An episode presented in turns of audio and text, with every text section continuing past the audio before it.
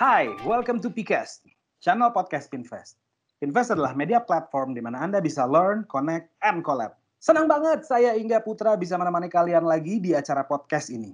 Kali ini saya nggak sendirian siarannya. Saya kali ini ditemani oleh partner saya dari Pinvest, Imbang Putra Panili. Halo Imbang. Bukan, saya Ingga Putra. Eh, nama kita sama ya Bang ya? Kita punya nama yang akhiran belakangnya ada putranya. Obrolan santai kita ini tetap berada di lokasi masing-masing ya Bang. Sesuai anjuran pemerintah soal physical distancing. Ya, Jangan lupa betul. juga buat teman-teman di rumah di, dan di mana pun untuk selalu pakai masker, jaga jarak dan jangan lupa cuci tangan. Jangan lupa mandi juga pastinya kalau habis keluar-keluar. Nah, di acara podcast ini kali ini agak sedikit berbeda ya Bang dari sebelumnya. Tapi ngomong-ngomong, kita UEFA udah memasuki hari keberapa atau bulan keberapa ya? Kita udah masuk ketiga Bang. Tiga ya. Gue sampai sekarang udah suka lupa. Kadang-kadang ini weekend apa ini weekdays. Kadang-kadang pas gue ngeliat, anjir ini weekend. Wah, ternyata gue bekerja di hari weekend. Saking udah mess up-nya yang namanya tanggalan. Benar, benar, benar, benar. Wah, Oke, Bang. iya. Siapa nih kira-kira narasumber kita? Orangnya sih masih di dalam ya satu pertemanan kita lah ya. Siapa tuh? Coba. Ada Mbak Marisa Harahap, Halo Imbang, Mas Ingga. Ah, Halo. Oh. aka Do, aka Dona. Mm-mm. Terus, nah dia nggak sendiri, dia Oh, ada satu orang lagi, Mm. yaitu adalah Ilyas Dahlan. Halo Bang. Halo. Mas Ilyasa. Halo, Hai halo. bro. Iya, hai bro. Biar kayak di YouTube YouTube gitu kan. Hai bro. What's up bro? Gimana kabar kalian selama masa pandemi ini, guys? Alhamdulillah. Alhamdulillah baik. Mas Ilyasa kabarnya baik, Mas. Ya, sehat, sehat alhamdulillah. Lagi sibuk Asa. apa? Asa aja lah biar ini nggak terlalu formal. Iya, sih. Asa aja ya. Iya, iya benar-benar. Mas Asa, gimana kabarnya Mas Asa? Baik juga Mas Asa? Ya, udah mulai bosen sih ya, cuman overall baik lah alhamdulillah. Alhamdulillah. Eh, Masih- anyway, Ah, anyway, mereka ini akan segera melangsungkan suatu prosesi loh. apa tuh? Jadi Oh iya. mereka ini selain mendirikan sebuah perusahaan, mereka ini juga sebuah couple. Jadi mereka ini kerjasamanya luar biasa banget pasti. Tuh, sweet. Between personal life sama professional life. Iya. Amin. Bisa lancar itu mah kalau kayak gitu ya. Amin. Insya Allah. Amin. Enggak satu sih, dua. Udah dua ya. Hmm. Tuh Dua. kan dua. Bukan, Kalau satu kalau satu udah jalan berarti nambah artinya eh, kerjasamanya ciamik banget. Alhamdulillah. Insya Allah. Anyway, guys, kalian ini udah masuk lagi nggak? kalian ini udah masuk new normal atau masih work from home nih? Kita, aku sih lebih ke arah work from home ya. Karena aku jujur masih agak insecure. Takut sia-sia tiga bulan aku di rumah. Insecure sama siapa? Sama Asa. Bukan, bukan. Insecure dengan virus corona. Oh gitu. Ya ya ya ya ya ya. ya. Mas Kalau Asa juga masih Eh, kalau gue sih seminggu sekali masih ke kantor. Harus Hmm. harus ada yang dicek sih di kantor. Nama harinya di rumah. Kantornya pindah atau kabur? Enggak kan? Eh, enggak. Ya ngelihat perkembangannya aja gimana dari day to day di musim Apa- pandemi gini. Sekalian jalan-jalan. Betul. Bisa ya sekalian jalan-jalan juga. Jadi biar nggak terlalu bosan enam hari udah di rumah. Sat- paling nggak ada satu hari lah di kantor. Yes, Iya, guys. By the way, kali ini kita kedatangan tamu dari mylegal.id ya, di mana Mbak Marisa Harhap ini adalah CEO dan co-founder dari mylegal.id dan Mas Ilyasa ini adalah co-founder dan CMO dari mylegal.id. Mas Asa, Sebener, sebenarnya agak kebalik sih. apa tuh? Malah malah sebenarnya karena donanya terlalu sibuk. Ini Mhm. tadi obrol- obrolan obrolan chit-chat di belakang. Oh gitu, siap, siap, siap. Jadi ternyata karena Ibu Dona ini sangat sibuk selain dia sebagai ahli hukum, Oke. Dia juga sebagai seorang dosen, cuy. Oh, siap. Jadi Dosen. ketika apa eh, jabatan CEO itu harus ditasbihkan akhirnya dipindahkan ke Bapak Asa. Halo, gila keren banget nih Mas Asa jadi CEO nih. Makanya tadi gue nah, makanya tadi gue bilang eh, kerjasamanya mereka sebagai seorang couple itu luar biasa, ya kan? Ter- terbukti dari urusan operasional sampai manajemen mereka bisa melibas. Yes. Beradaptasi ya. Amin. Iya. Amin. Guys, Yes. pengen nanya dong nih. Iya, iya. menyinggung Gimana, soal gimana? hukum. Menyinggung soal hukum di masa seperti ini gimana nih? Secara tentunya kita mau digging lagi soal sisi hukum kontrak virtual di masa pandemi. Gimana gimana? Siapa yang mau jelasin duluan nih? Ini ngobrolnya santai-santai aja kan ya? Santai, santai, santai, santai. Ini kita nggak ada ini kok nggak ada durasi parameter kayak di TV-TV. Tenang aja. Kalau sisi hukum yang sekarang ini jelas eh, semua aspek pasti kehidupan sekarang abis corona ini kan pasti berubah ya dari dari kitanya dan termasuk juga dari sisi hukum gitu. Jadi eh, yang tadinya kita pertemuan secara fisik, sekarang kita hanya tanpa disadarin kan kita kayak sekarang ini cuma hanya zoom zoom atau Google gitu kan. Jadi Skype gitu. Jadi Hmm. ya pasti berdampak juga sih sama eh, masalah hukum gitu. Nah, kalau secara kontrak virtual, yang pastinya nanti kan akan dibahas nanti lebih rinci. eh, ya emang trennya sekarang ini adalah eh, kontrak virtual gitu, kesepakatan melalui media gitu, tidak secara langsung direct gitu. Tapi sebenarnya is it problem nggak sih sebenarnya? Si Hmm, virtual. Si secara virtual secara kontrak. secara eh, secara legit itu fine atau Jujur sih ya, kalau sebetulnya ya Bang sama Mas Ingga, Mm-mm. eh, virtual virtual di dalam hukum gitu bagi kita melihatnya agak cukup resiko tinggi ya gitu. Karena eh, kecuali emang benar-benar untuk dipersiapkan secara, secara matang. Maksud di sini adalah kalau dipersiapkan secara matang adalah dari sebelum kita melakukan meeting virtual kita udah ngirim dokumen di mana dokumen itu harus direview terlebih dahulu gitu. Jadi Hmm. pas lagi meeting eh, kita lagi negosiasi itu juga nanti direkam pastinya gitu dan juga ada notulen juga yang akan mencatat gitu sebagai tanda bukti.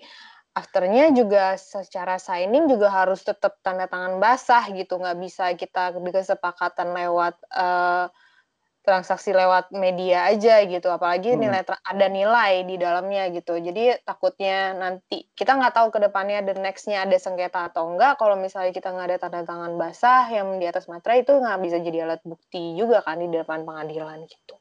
Hmm. Oke, nah tapi gini, eh, somehow kalau misalkan ada contohnya gini, misalkan terkait dengan masalah eh, finansial nih, kan Hmm. kadang ada tuh ya eh, yang namanya istilahnya digital signage. ya ada Nah itu sebenarnya digital signage itu di masa-masa seperti ini tuh sepowerful apa sih? Apakah di masih tetap itu Hmm. yang fisik itu lebih valid sebenarnya? Eh, di zaman sekarang itu kalau misalnya secara tanda tangan basah itu masih tetap harus eh, tetap diakuin sih di Indonesia gitu Eh, Hmm. dengan materai itu jadi kita emang masih hukumnya emang sangat masih belum ada KUHP kita kan KUHP perdata kita kan juga belum ada perubahan gitu masih ortodok banget gitu kalau dibaca dari pasal per pasalnya gitu jadi eh, digital signage itu eh, udah ada pengaturannya cuman belum tentu semua orang bisa mengimplementasikan demikian gitu. Itu hanya paling juga paling di lima kota besar aja di Indonesia. Kalau misalnya tetap harus eh, sedangkan kadang transaksi itu kan bukan hanya di Jakarta juga gitu. Kalau kita tanda tangan apa transaksiannya di Tambang gitu, misalnya di Kalimantan gitu, belum tentu orang di Kalimantan juga atau enggak pengadilan atau bukan kita mengunderestimate gitu. Belum tentu juga mereka udah mumpuni soal teknologi atau segala macamnya gitu. Hmm. Lebih jadi istilahnya selama selama emang kita bisa mengcover secara eh, fisik, secara masih ibaratnya masih man, kalau kita bilangnya manual banget gitu, lebih baik kalau itu masih bisa dijalankan dengan mungkin effortnya lebih ya kenapa enggak dibandingin kita akan maaf kata dengan tanda kutip uh, kenapa-napa di kenapa-napa nanti di depannya gitu. Hmm, jadi memang harus ada fisiknya juga ya yang harus mereka review sebelum kalian ini eksekusi. Hmm, iya, iya, iya, iya gitu. Fisik itu harus sih karena karena gini, kalau kalau tanda tangan digital itu kan jatuhnya kita lewat email terkadang ya. Mm -hmm. Kan kita juga nggak tahu ya ke kejahatan cyber itu juga gede banget gitu loh. Jadi mm. Dan untuk pembuktiannya juga susah gitu kalau misalnya kita bisa bilang kayak oh saya dihack atau saya di ini itu gitu. Itu susah sekali gitu loh. Jadi UU ITA kita juga belum terupdate dengan baik juga gitu untuk hmm. hal-hal seperti itu. Jadi uh, ya kalau kenapa kalau misalnya emang harus toh juga sekarang kan uh, untuk mengirim atau pengiriman itu kan hal yang mudah sebetulnya dimudahkan hmm. gitu nggak sesulit zaman dulu gitu.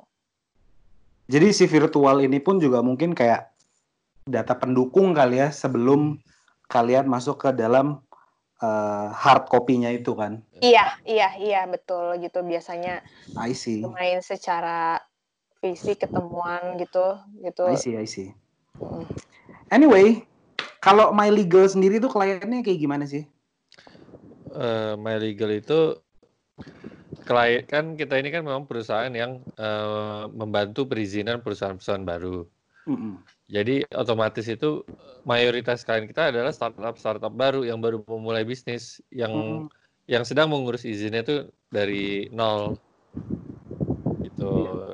Tapi ada juga perusahaan-perusahaan yang udah established, dia punya belum hukum atau dia ada kebutuhan hukum juga kita gitu kayak review kontrak, uh, okay. apa pembuat kontrak baru dan lain sebagainya. Okay. Gitu. Oke, okay, uh, eh, tadi kan lu menyoal soal startup ya. nah, ini ya. di masa-masa seperti sekarang nih, terutama buat teman-teman di startup nih kan rata-rata uh, mereka mungkin dari sisi hukum kayak apa ya? Uh, ini mungkin uh, juga yang gue sering denger sih sebenarnya dari mm -hmm. teman. Contohnya gini. Uh, kliennya misalkan remote, jaraknya lumayan jauh. Yeah. Let's say off offshore, offshore. Nah, cuman kan kalau offshore, uh, oke, okay, offshore-nya let's say deket deh, Singapura deh misalkan. artinya kan mereka nggak bisa ketemu face to face nih, secara fisikal, secara manusia gitu ya. Karena satu pesawat nggak mungkin nggak mungkin naik pesawat, naik uh, kereta, eh naik apa, naik kapal juga nggak mungkin kan. Nah, mereka kadang uh, ditawarin sebuah let's say uh, ada pitching misalkan atau ada tender. nah, ini kalau mereka akan menghadapi tender secara psikologis kan mereka akan ada apa ya uh, obrolan mengenai masalah value bisnis lah misalkan gitu ya. Uh. Nah, cuman kayaknya banyak yang sebelum malah sebenarnya sebelum pandemi ini pun kayaknya banyak yang wah ternyata value bisnisnya gede nih sikat aja deh. Mm -hmm.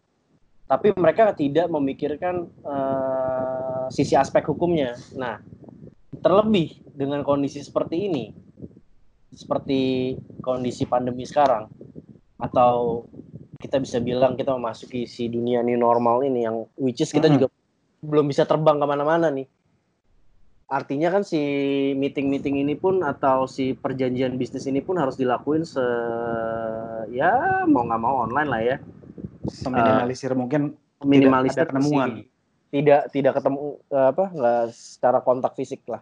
Yes. Nah hal-hal seperti apa sih kalau buat teman-teman di startup atau kayak gini-gini? Mungkin yang yang apa ya yang perlu di do's and don'ts-nya supaya uh, ya kita nggak bisa bilang Susan juga, cuman kan tapi kan kita perlu prepare untuk jaga-jaga lah. Kita karena kita nggak pernah tahu kan yang namanya orang bisnis kan hmm. bisa aja ada uh, yang jahat atau misalkan ada yang hmm. curang atau yang hmm. tricky. Itu kira-kira kayak hmm. gimana? Siapa dulu nih yang mau jawab nih, Mbak Dona atau Mas Asa? Ini Anyway, prolog gue panjang banget ya.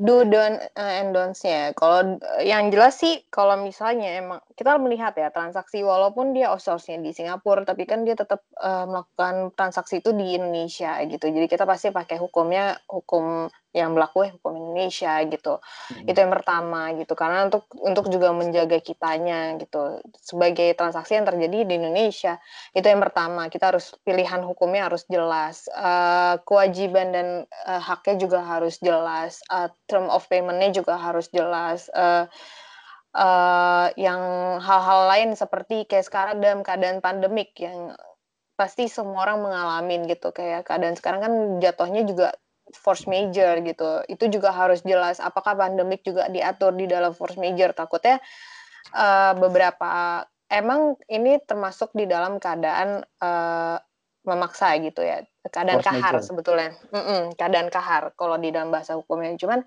kalau misalnya pandemik itu tidak masuk di dalam salah satu aspeknya gitu, itu tidak bisa juga kita dibilang uh, keadaan kahar gitu, force major. Itu yang pertama. Terus balik lagi di dalam pasal force major itu kan juga nanti ada lanjutannya. Biasanya kalau misalnya di dalam keadaan force major kita harus ngasih tahu pemberitahuan secara tertulis, biasanya tujuh hari atau satu paling lama satu bulan atas keadaan ini. Kalau misalnya nggak dikerjakan atau dilakukan, force major dianggap batal. Jadi uh, kalau istilahnya kalau keadaan sekarang ini emang ibaratnya kalau keadaan ketemu fisik aja kita udah harus uh, jagain sampai 4 5 kali uh, review harus di harus diperhatikan gitu. Keadaan virtual ini malah justru lebih ngeri lagi gitu. Jadi ya don't say jangan terlalu cepat untuk mengambil keputusan keputusan apalagi di dalam keadaan sekarang gitu kan dan belum lagi kita juga harus balik lagi yang tadi saya bilang bahwa ada recording ada no to land di mana itu akan menjadikan hal bukti buat di kemudian hari hmm. Hmm. oke jadi kurang lebih itu ya apa uh, masalah force major tuh harus jelas terus hmm mungkin yang bisa gue baris garis bawahi tadi uh, hukum mana yang akan dipakai hukum seperti apa yang akan dipakai hmm. tapi berarti uh, artinya harus ada obrolan dong ya sama uh, si pemberi tender misalkan uh, ja, dalam, biasanya... dalam artian gue akan mereview juga ya dokumen hukum lo karena kan ini kan kita ada di gray area nih gitu mm-hmm. Biasanya yeah. sih sebelum tender itu kan kita ada NDA juga ya, non disclosure hmm. agreement gitu, yeah, yeah, keterbukaan yeah. apa hmm. perjanjian kerahasiaan. Biasanya sih kayak gitu ya. Jadi uh, di situ kan juga kita sebut kalau ibaratnya udah ngebuka tapi kita nggak boleh ngebuka untuk uh, disebarkan ke pihak ketiga gitu. Ya hmm. hal-hal hmm. kayak gitu sih kayak tadinya kalau misalnya pertemuan fisik kita nggak perlu uh, apa namanya nggak perlu untuk kayak NDA ke sekarang kalau mau pitching ya yang tadi harus di di di pagerinnya tuh lebih gitu yang harus hmm. tiba-tiba hmm. harus uh, ya sebetulnya apa pun transaksi sebetulnya harus ada NDA-nya cuman kadang-kadang kan langsung bypass langsung perjanjian biasa aja gitu. Hmm. Apalagi kalau udah ngeliat ngeliat tendernya ya kayak. Iya iya udah. Cuan gede bos. Nah balik lagi nih kontrak virtual mm-hmm. atau online, apakah tetap sah kalau menurut hukum yang berlaku di Indonesia?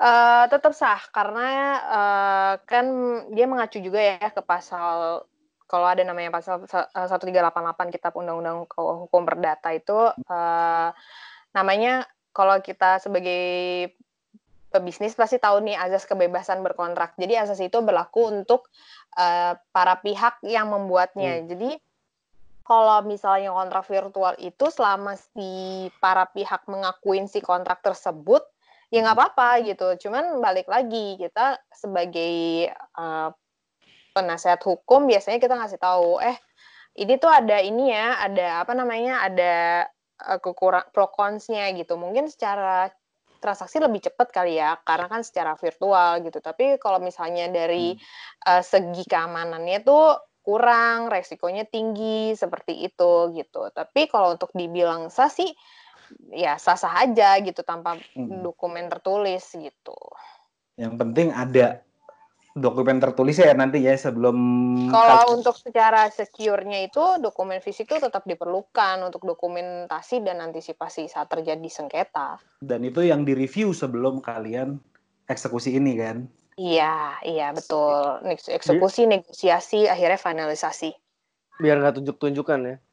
Mm -mm. Biar enggak, aku nggak bilang gitu. Makanya ada, harus ada bukti buktinya ini. Direkam nggak sih sama kalian kalau misalkan virtual ini atau online ini? Pasti dong, pasti, pasti direkam. Jadi proofnya ya gitu kalau misalkan ini udah dia proof gitu kan ceritanya. Mm, mm, I see. Berarti kayak kita nelpon ke apa uh, customer service bank gitu yang lewat telepon ya. Oh iya tuh, iya, benar. Iya iya iya iya. Pembicaraan Anda kami uh, untuk kualitas layanan pembicaraan ini kami rekam. Mm. Itu itu sebenarnya buat buat klausul hukum kan ya?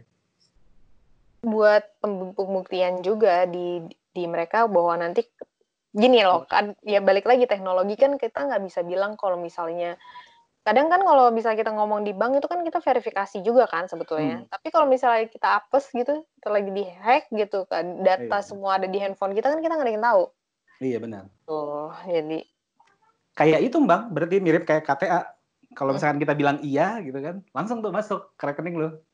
Oh gitu ya. gue kalau di gue kalau ditelepon KTA lebih banyak aduh maaf mas saya lagi meeting takut kilaf ya nah gimana dengan renego renegosiasi kontrak bisnis saat pandemi seperti sekarang ini apa sama aja kita harus step-stepnya sama kayak mm -hmm. tadi kah atau gimana Hmm, regenerasi sih pasti uh, ada sering terjadi apalagi kayak penangguhan uh, pembayaran gitu. Itu kan hmm. sering terjadi untuk saat ini. Maksudnya beberapa hal udah terjadi kayak gini gitu. Uh, penangguhan pembayaran karena kan eko apa ya dari segi ekonomi juga namanya uh, tiga bulan tidak dalam keadaan stabil pasti kan nggak akan sama pada saat stabil gitu sampai pemerintah aja kan juga melakukan uh, reksur apa namanya penangguhan Relaksasi. untuk uh, uh, ya penangguhan buat hal-hal kayak gitu jadi kalau regun re renegosiasi uh, ya jadi beli buat gue hati-hati gitu. kepleset lidahnya kayaknya uh, uh, kayaknya Asa juga udah ngelakuin kan ya Ya kalau renegosiasi itu kan udah diatur sebelum kita bikin perjanjian. Maksudnya hmm. bisa terjadi karena kita udah atur sebelum bikin perjanjian kan. Hmm. Dengan memasukkan uh, unsur uh, di force major itu kayak yang Dona tadi udah jelasin. Jadi sebelum sebelum kita bikin perjanjian dan pas saat kita bikin perjanjian tuh faktor-faktor force major tuh harus di bahas secara teliti gitu loh. Jadi sehingga pas sekarang lagi keadaan pandemik begini, hmm. uh, kita bisa dapat keringanan gitu loh atau hmm. renegosiasi kontrak. Kan banyak ya di bank hmm. cicilan di di off kan sampai November. Hmm. Atau dalam kasus kita, saya sendiri hmm. karena saya ada perusahaan retail hmm. yang itu kan kita sewa sama mall ya. Hmm. Tapi karena sudah ada perjanjian uh, ada force major itu, kita mendapatkan keringanan pembayaran sewa gitu selama pandemi ini. Jadi hmm. jadi benar jadi benar-benar perlu diperhatikan jangan terlalu cepat kebawa sama value yang gede terus buru-buru -hmm. tanda tangan. Hmm. Tapi benar-benar semua perjanjian yang tapi kita harus bikin perjanjian itu yang betul-betul melindungi kita, memagari bisnis kita lah. Hmm. Ter terutama force major ini bi biasanya kan force major nggak pernah terjadi kan ya, paling kebakaran hmm. apa. Hmm. Ya. Sekarang jarang sekarang jarang-jarang tiba-tiba ada pandemi kayak gini lagi global ya kan. Iya. Bentuknya maka itulah maka dengan itu penting banget kita bikin perjanjian yang yang detail dan teliti. Gitu Dan memasukkan si klausul force major ini di dalam. Hmm, harus banget tuh. Oke. Okay. Tapi monggo oh, bang. Monggo, monggo, Enggak enggak jadi. Gue lupa mau nanya apa. Tiba-tiba skip, Bo. Oke, okay, kalau ditarik lagi nih ke belakang nih. Mengenai orang-orang yang baru startup bisnisnya. Secara hukum, apa aja sih yang mereka biasanya lupa dan perlu jadi perhatian ekstra di situasi kayak gini? Di situasi di situasi sekarang. Mm-mm. Kontrak. buat anak-anak startup nih. Kontrak, iya kontrak bisnis. Mereka tuh biasanya kan anak startup itu uh, biasanya tuh di umurnya umurnya makin muda loh. Sekarang tuh jadi entrepreneur itu makin hari itu makin muda gitu. Jadi bener bener, uh, muda dan mungkin didukung kan iya didukung juga uh, orang tuanya mungkin juga berada gitu. Hmm. Jadi uh, mereka gampang banget untuk membuat perusahaan-perusahaan gitu kan. Jadi uh, saat ini kalau misalnya gue ditanya nih gitu permasalahan apa sih kalau misalnya gue handle satu klien gue masuk as in retainernya gitu permasalahan apa sih yang harus dibenahin hukumnya mereka gitu di hmm. legalnya mereka ya itu sih gue bilang kayak mereka punya banyak transaksi yang menurut gue kayak misalnya dari angel investor atau apa gitu tapi like uh, buy fruits in groceries gitu loh. Jadi kayak hmm. kayak beli buah di swalayan gitu. Jadi kayak mereka anggap ya cukup aja dengan PO atau cukup aja dengan deal with email atau cukup dengan uh, tanda apa tanda terima dari bank itu udah udah cukup gitu. Tapi the nextnya kalau ada sengketa kita nggak bisa ngomong apa-apa karena kita nggak punya ya balik lagi nggak punya dokumennya gitu. Hmm. Mm -mm. Nah itu harus apa tuh yang mereka punya berarti?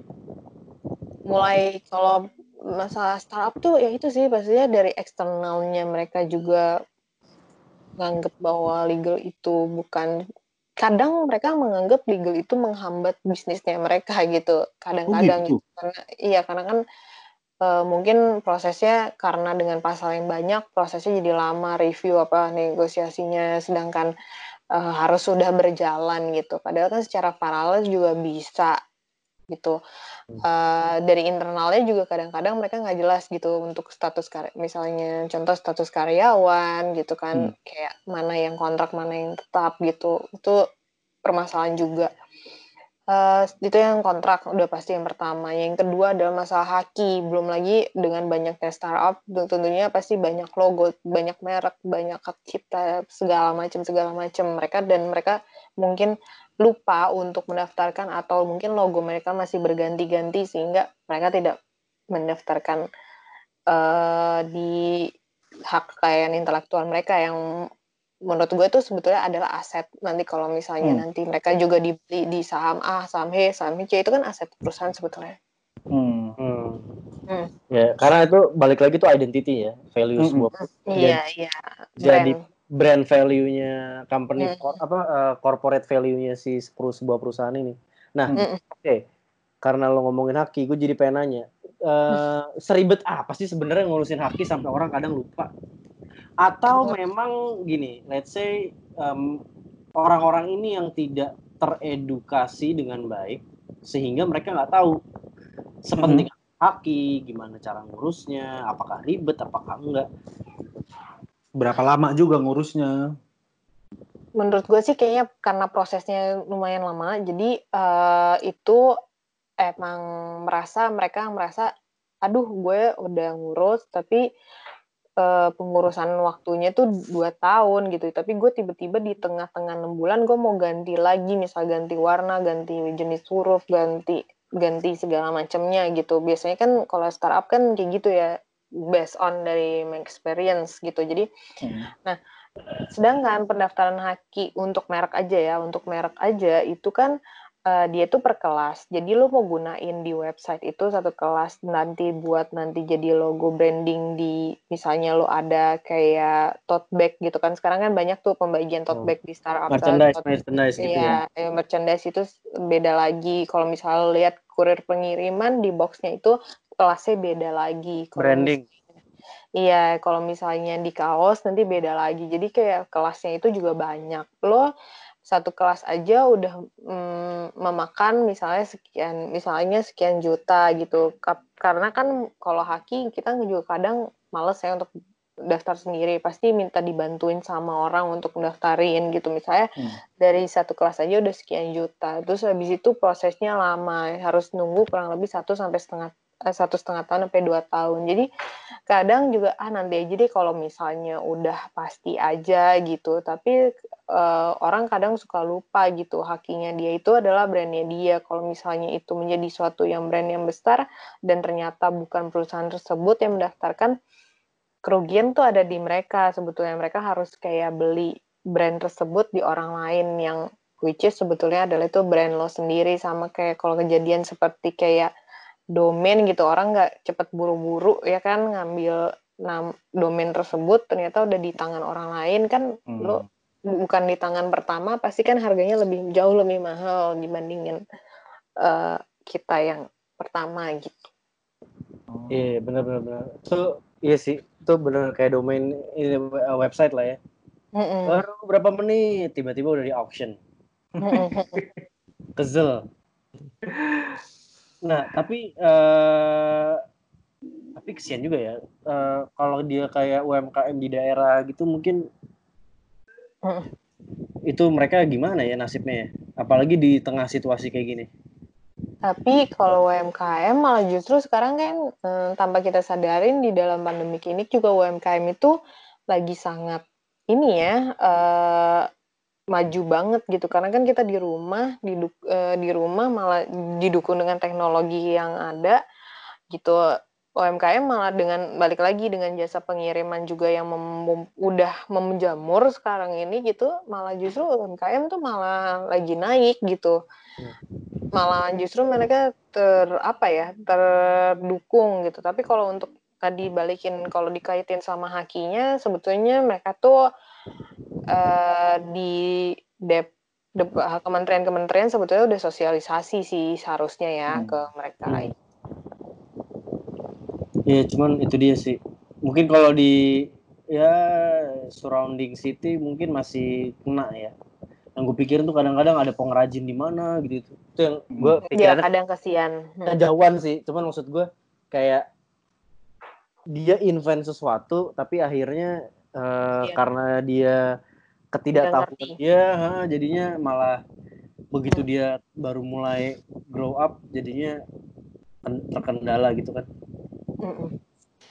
Benar benar. Hmm. nah selama masa pandemi ini nih guys kira-kira konsulta konsultasi seperti apa yang sering kalian terima? Konsultasinya kalau lagi musim pandemi gini sih kan kita emang WFH ya. Jadi kebanyakan sama klien itu kita intens via Google Meeting, Zoom, Skype, ya yang pastinya kita rekam juga ya. Jadi kita sekarang virtual dulu, nanti kalau untuk sign ini tangannya itu biasanya kita kirim aja mm. pakai courier. Jadi ya membatasi ketemu dengan klien lah kalau emang bisa kita virtualkan lalu dikirim. Mendingan hmm. kayak gitu. Sementara waktu ini sih lebih baik kayak gitu ya. Nah terus kalian nih balik ke belakang lagi mylegal.id berarti udah hampir setahun ya? Eh iya, apa udah lebih lebih. Januari oh, 2019 hmm. nah selama perjalanan kalian mengarungi sih mengarungi. Asik. Kira-kira ups ups ups and downs apa sih? Ya kan let's say kita bisa bilang uh, startup juga ya. Tapi udah gitu kalian masuk ke ranah startup yang ada uh, dalam kategori fine, uh, sorry uh, hukum. Gitu. Yeah. Kira, bisa diceritain nggak? Kira-kira itu apa aja? Apakah Apanya? ada yang menarik? Kenapa? Uh, macam-macam sih ya. Jadi karena ya kak karena memang kita ini kan ngurusin perusahaan dari scratch, jadi pasti ada hmm. aja error-errornya, ada aja. Uh, let's say dia ada sih klien dulu gitu minta bikin PT, cuman kayak PT tahun 2000 tahun 9 tahun 2000-an gitu. Which is yang peraturannya itu udah beda gitu. Jadi hmm. macam-macam case-nya. Jadi bisa tiap tiap klien tuh case-nya bisa beda-beda gitu. Hmm. Nah, terus kira-kira dari perjalanan lebih ham, lebih dari satu tahun ini, uh, hmm. ada case yang bikin lo gondok atau karena mungkin itu ngegondokin jadinya itu jadi paling lo inget hmm. perubahan itu yang dari dia sebentar sebenarnya uh, sebelumnya dia minta badan usaha apa gitu hmm. oh oh iya ya karena ini masih coba-coba masih scratch jadi hmm. biasanya kita tuh lama negosiasi itu dia minta badan usahanya tuh misalkan dia pengen bikin restoran gitu loh. Mm-hmm. bikin restoran itu kan sebenarnya har harus ada tanda izin usaha dari Departemen Pariwisata kan. Mm-hmm. Nah, tapi tapi itu digabungin sama bidang usaha yang lain gitu. Jadi oh kan nyampur-nyampur kan, gitu. Nyampur-nyampur. Kan ada beberapa perusahaan itu yang izinnya izin khusus, PT khusus. Mm. Yang yang harus dengan kelengkapan itu izin lagi ke departemen yang bersangkutan seperti mungkin ke departemen keuangan atau hmm. ke departemen pariwisata untuk restoran dan event. Jadi ya macam-macam gitu permintaan dari klien. Cuman ya sekarang ya makanya kita coba akomodir lalu kita kasih solusinya gitu loh. Tapi itu rutinnya lama juga tuh ya berarti ya kalau misalkan beda perizinan gitu ya. Mm -mm. Iya cenderung nggak bisa kalau udah ada yang PT khusus dia mm harus di situ aja gitu. Kayak misalkan kita ada PT di bidang keuangan kita nggak bisa di izin usahanya itu ada ada industri gitu jadi misalkan uh, kita buka, buka pegadaian gitu tapi hmm. izin usahanya yang lain misalkan mau konveksi nggak boleh hmm. gitu jadi kalau, emang itu harus PT khusus saja kalau pegadaian tiba bikin hotel mungkin nggak Ya itu dia beda. ya yang bisa satu, kan yang, yang satu, butuh departemen keuangan, karena satu gini. lagi pariwisata. Nah ini me me menyoal masalah itu, gue jadi pernah bis trip ke mana ya? Semarang kalau nggak salah. Semarang hmm. apa Jogja? Nah, gue bingung hotelnya itu warnanya, aduh maaf nih jadi ngomongin brand. Uh, ngomongnya eh ngomongnya uh, warna tone dan segala macamnya itu mirip suatu produk badan instansi pemerintah lah. Ini gue jadi bertanya-tanya apakah dia dari industri A dia pindah ke industri B. Tapi itu secara secara hukum kalau diurus memang sebenarnya bisa.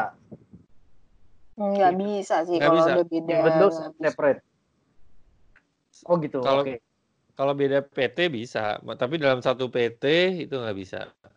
Hmm. Jadi let's say misalkan gue bikin uh, yin yams anjir. terus tiba-tiba setelah market size gue growing, terus uh, demandnya of apa uh, supply and demandnya naik, hmm. Gue kepikiran, oke, okay, gue pengen bikin bank deh supaya hmm. gue bisa uh, payment gateway bisa gue yang pegang sendiri gitu. bisa kan payment gateway harus sendiri dia PT-nya nggak boleh campur-campur. Oh, ada izin jadi PT-nya nggak gitu. boleh sama. Jadi harus bikin jadi, PT lagi tuh. PT-nya hmm. baru. Hmm. Jadi kayak kayak yang udah dilakuin konglomerat-konglomerat Indonesia gitu kan mereka juga punya bank, punya properti. Oh iya. Dalam iya, satu iya, grup. Benar, Tapi PT-nya berbeda gitu loh. Iya. Namanya PT Imbang Maju Terus gitu misalkan. iya loh, kalau mundur terus pusing pak jalan mundur. Ya, iya. Yang satu lagi namanya PT Bank Imbang, gitu. Wah, dan bangkotan. Iya. Nah, guys, semisal nih, kalau ada teman-teman yang sekiranya mau nyiapin kontrak virtual nih, atau melakukan kesepakatan selama masa pandemi menuju atau menuju si new normal ini, apa sih yang kira-kira harus disiapin? Dan apa my, apa yang bisa mylegal.id bisa bantu? Yang jelas pasti uh, kita tahu ya harus tahu juga tujuannya membuat kontrak itu untuk apa. Jangan nanti kontrak jual beli di di sama uh, tiba-tiba bilangnya iya saya mau bikin sewa menyewa tapi ternyata jual beli gitu. Jadi kita harus tahu dulu kebutuhannya apa. Hmm. Yang kedua ke, selain dari kebutuhannya juga uh, kita harus jelas juga gitu para pihaknya itu siapa aja gitu. Kita minimal kita tahulah gitu uh, yang diajak kerja sama tuh siapa. Kalau misalnya bahasa legalnya legal due diligence dulu lah gitu. Jadi kita harus tahu juga gitu. Terus habis itu ya ya ya hal-hal yang dasar dasar lainnya gitu kewajiban haknya segala macam tuh harus jelas tertulis hmm. nilai transaksi term of payment uh, cara seng penyelesaian sengketa domisili gitu hmm I see oke okay. uh, eh, iya sih benar juga ya cuman ya itu dia kadang-kadang kalau kita di startup itu kan BM udah hmm. baru mul baru mulai banyak maunya. Iya. Grondo growing oh. terus pengen bikin yang lain gitu kan. Iya, ya itu sih namanya visi nggak apa-apa. Nggak apa-apa. Tapi anyway, ini uh, kita melanjutkan obrolan lagi. M tapi mungkin sekarang tadi kita udah serius banget ya. Mm -mm. Udah sampai KU KU KU eh. aku sampai lupa tadi KU KUHP-nya notesnya. KUA, uh, eh. tadi gue dengar KUA. Yes. Mentang-mentang nih. Hati-hati. nah, nggak ini sih pertanyaan gue. Uh, ini agak personal sih, tapi boleh. kalian boleh jawab dengan santai. Mau jujur boleh, nggak jujur juga nggak apa-apa. Nggak ada yang tahu juga kalau nggak jujur kan. Uh, kalian kan ini menjalankan satu bisnis, eh dua ya? Dua bisnis ini kan bareng nih. Let's say sebagai seorang couple. Nah, uh, apa sih serunya apa? Terus ribetnya apa? Seru banget. Kayak seru gimana? Banget. Enggak seru banget ya, bukan sarkasme ya, tapi seru banget karena kita menjalin pacaran tuh udah lama banget ya gitu. Terus berapa lama tuh? Uh, awal pacaran pertama kali sih dulu dari oh, 2002. Ya. Wih, 2002. Wow. Oh. Sekarang 2020. Terus, terus udah gitu, uh, ya udah intinya adalah uh, karena mungkin kita udah terbiasa satu sama lain, jadi kayak ini kalau ngobrolin kerjaan tuh jadi kayak lebih uh, karena sesuatu yang baru jadi kayak lebih apa sih ada yang barunya gitu karena tiap hari kan ada ada permasalahan pasti gitu kan hmm. jadi uh, apa ya ada aja yang dibahas gitu selain tentang kehidupan kita ya kerjaan itu udah jadi kayak sesuatu yang memang harus kita bahas setiap harinya gitu. Dan enaknya adalah karena kita bar couple jadinya nggak ada jam jam waktunya juga nggak ada. Terus jadi kayak kalau mau ngobrolin juga bisa kapan aja gitu. Dibandingin kalau dan kalau lagi misalnya ada perbedaan pendapat pun kayak uh, gak ada yang kayak harus drama atau kayak gimana atau juga kita kan juga se di luar kerjaan kan juga uh, couple gitu. Kalau dari aku sih hmm. gitu. Nggak tahu dari kalau dari rasa. Gimana gimana man? Lo jangan ya jangan iya iya aja ya. Ya seru aja gitu. Ya gak sih? Jadi ya waktu buat ngomongin soal kerjaan juga panjang gitu. Jadi bisa kapan aja. Jadi nggak harus nunggu jam kantor buat buat ngobrolin kerjaan. Mm-mm. Jadi lebih banyak serunya sebenarnya. Seru. Iya seru soalnya kan bagi-bagi tugasnya lebih enak ya. Udah udah tahu kekurangan dan kelebihan masing-masing jadi uh, udah tahu posnya lah. Kayak Bill Gates sama Melinda Gates gitu ya. Asik. Uh, kira-kira ya. Ya, uh, ngayal, ngayal harus yang tinggi, Pak. Gak apa-apa. ya, iya. Tapi di sisi profesional itu bisa tetap ada tuh ya selama kalian couples doing business gitu. Bisa, oh, ada. terutama di depan orang partner kita yang lain. Oh, kalian nggak show off kalau kalian tuh couple ceritanya gitu ya. Luar biasa loh ini uh, narasumber kita kali ini Bang ya. Ini uh, per perdana kita punya topik hukum yang which is uh, banyak mungkin teman-teman yang dengerin juga rata-rata uh, berkiprah dalam bidang startup. Mm. Uh, cross field uh, atau cross industri pastinya. Dan ya itu sih benar gue setuju sih. Memang kalau dari poin obrolan kita tadi uh, sebagai startup kadang-kadang kita pengen ambil shortcutnya apalagi mungkin teman-teman yang baru merintis agency gitu-gitu ya. Iya. Kayak kayak ya oke okay, klien adalah uh, raja itu benar tapi tetap everything has to be clear at the beginning Betul. Kalau Betul. Jadi awal kontrak harus Zona dan NASA. Yes. Di awal juga kontrak juga harus direview dulu ya sebelum masuk ke dalam eksekusi virtual. Dan yang jelas juga harus dimasukin juga si klausul force majornya juga harus jelas kan. Betul, Mm-mm. apa aja yang masuk force major, Hmm. terus bagaimana kalau terjadi gitu. Bagaimana kalau kenapa-napa dan bisnisnya juga udah start dari Januari 2019 ya tadi Mas Asa dan Mbak Dona ya. Iya. Mm. Sama last and but not least itu sebenarnya ya itu sih masalah haki ya. Itu juga Itu juga Mm. penting. gue setuju banget sih itu penting banget memang. Karena itu apa ya aset lah. Ketika lo udah kalau ketika lo nggak punya uang udah nggak punya profit mungkin tapi paling nggak Iya, iya.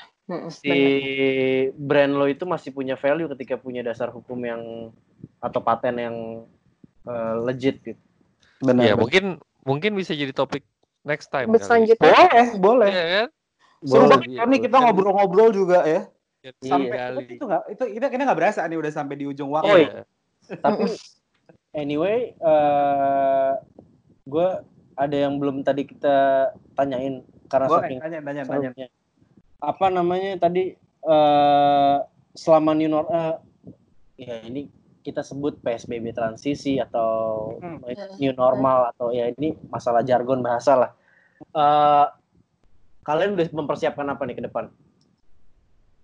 Eh, Maksudnya selama untuk menghadapi PSBB ini. Untuk ya untuk Ya, untuk my, untuk mylegal.id sendiri apa yang udah kalian siapkan uh, strateginya uh, terutama kan kalian lebih banyak lebih banyak sebagai kayak consult consulting consulting gitu kan pastinya Saat ini Iya. sih pastinya pasti virtual ya. Jadi inovasi sih. Jadi kalau dari Asa pasti eh, lebih kayak ke arah teknologinya gitu. Kalau kalau gue karena gue masih anak hukum kali ya. Jadi gue masih kayak apa pun masih kalau konsultasi dan segala macam nggak apa-apa gitu di dalam bentuk virtual gitu. Tapi untuk kesepakatan deal tetap eh, fisik itu harus terjadi gitu walaupun misalnya dikirim gitu cuman tanda tangan tanda tangannya jatuhnya kan hanya satu pihak terus nanti dikirim ke pihak lain ya nggak apa-apa yang penting kan pada tanda tangan gitu Mm-mm. oke Ma- Ada tulisan di atas materai lebih kuat gitu lah ya intinya ya. Mm, mm, mm, mm. COD lah ya Iya. Keren, keren, keren, keren. Thank you banget loh Mbak Dona dan. Mas Asa udah mau hadir di Thank podcast. you. Ternyata waktu juga nih yang memisahkan kita. Semoga Atau- sukses juga buat My Legal ya Mbak Dona, Mas pasti Asa. pasti pasti anyway Amin. anyway ada pesan-pesan terakhir mungkin dari uh, Dona dan Asa dari mylegal.id buat teman-teman yang dengerin hari ini ya itu sih Ya, gue mungkin- apa Oke, dari dari Mas Asa dulu. Ya mungkin gitu sih. eh, ke dalam dalam kita membangun bisnis itu jangan terlalu apa sih kalau kata orang Jawa ter, kesusu ya. Jangan eh, ja- jangan Cepet-cepet. hijau ngelihat Hmm. ah, ngelihat ngelihat profit gitu. Padahal kita harus awal mulanya itu kontrak hak dan kewajiban itu harus jelas gitu loh. Jadi jangan buru-buru karena ngelihat oh profitnya gede nih. Kita abaikan semua gitu. Jadi nanti suatu saat terjadi kayak pandemi kayak gini kan nggak ada yang ngira kan tiba-tiba bisa ada pandemi gini Mm-mm. malah kacau. Itu Berabe. sih. Nice, nice, nice. Gimana Dari Mbak Dona? Mbak Eh, Dona. sedikit tambahan aja gitu. Secara sub substansi kan emang gak ada beda sebetulnya pertemuan fisik sama virtual. Cuman kan kalau misalnya fisik tuh kan ada personal touch-nya juga gitu kan dalam negosiasi. Pasti ke, lebih kena gitu kalau ketemu langsung gitu. Jadi hukum di Indonesia itu masih sangat ortodok gitu. Jadi hmm, even though teknologi sudah sangat maju gue sih masih kayak lebih ke arah nggak ada salahnya gitu kalau kita masih pakai ilmu-ilmu ortodok dibandingin kita logi di depan gitu. Betul. Alright. Oke. Keren, keren. Seru banget ya obrolan kita sampai juga kita di ujung acara ini ya. Ya, Thank you banget Ya. Mbak Dona sekali lagi dan Mas Asa Ya, udah mau mampir ke podcast kita. Semoga sukses terus My Legalnya. amin. amin. Lancar juga sampai ke AU, ke AUA-nya. Dan juga buat teman-teman, jangan lupa dengerin ngobrol-ngobrol santai kita bersama narasumber yang pastinya menginspirasi serta menambah wawasan kita setiap hari Jumat. Dan jangan lupa kunjungi Pinvest di pinvest.co.id. Saya Ingga Putra, Saya Imbang Putra. Saya Marisa Harahap. Saya Asal Halan. kami mohon undur diri sampai bertemu di PK selanjutnya. Jangan lupa Hmm, teman-teman di mana pun tetap pakai masker, jaga jaraknya jangan pelit-pelit. Bener. Cuci tangan sampai rumah mandi. See you on our next podcast. Bye bye.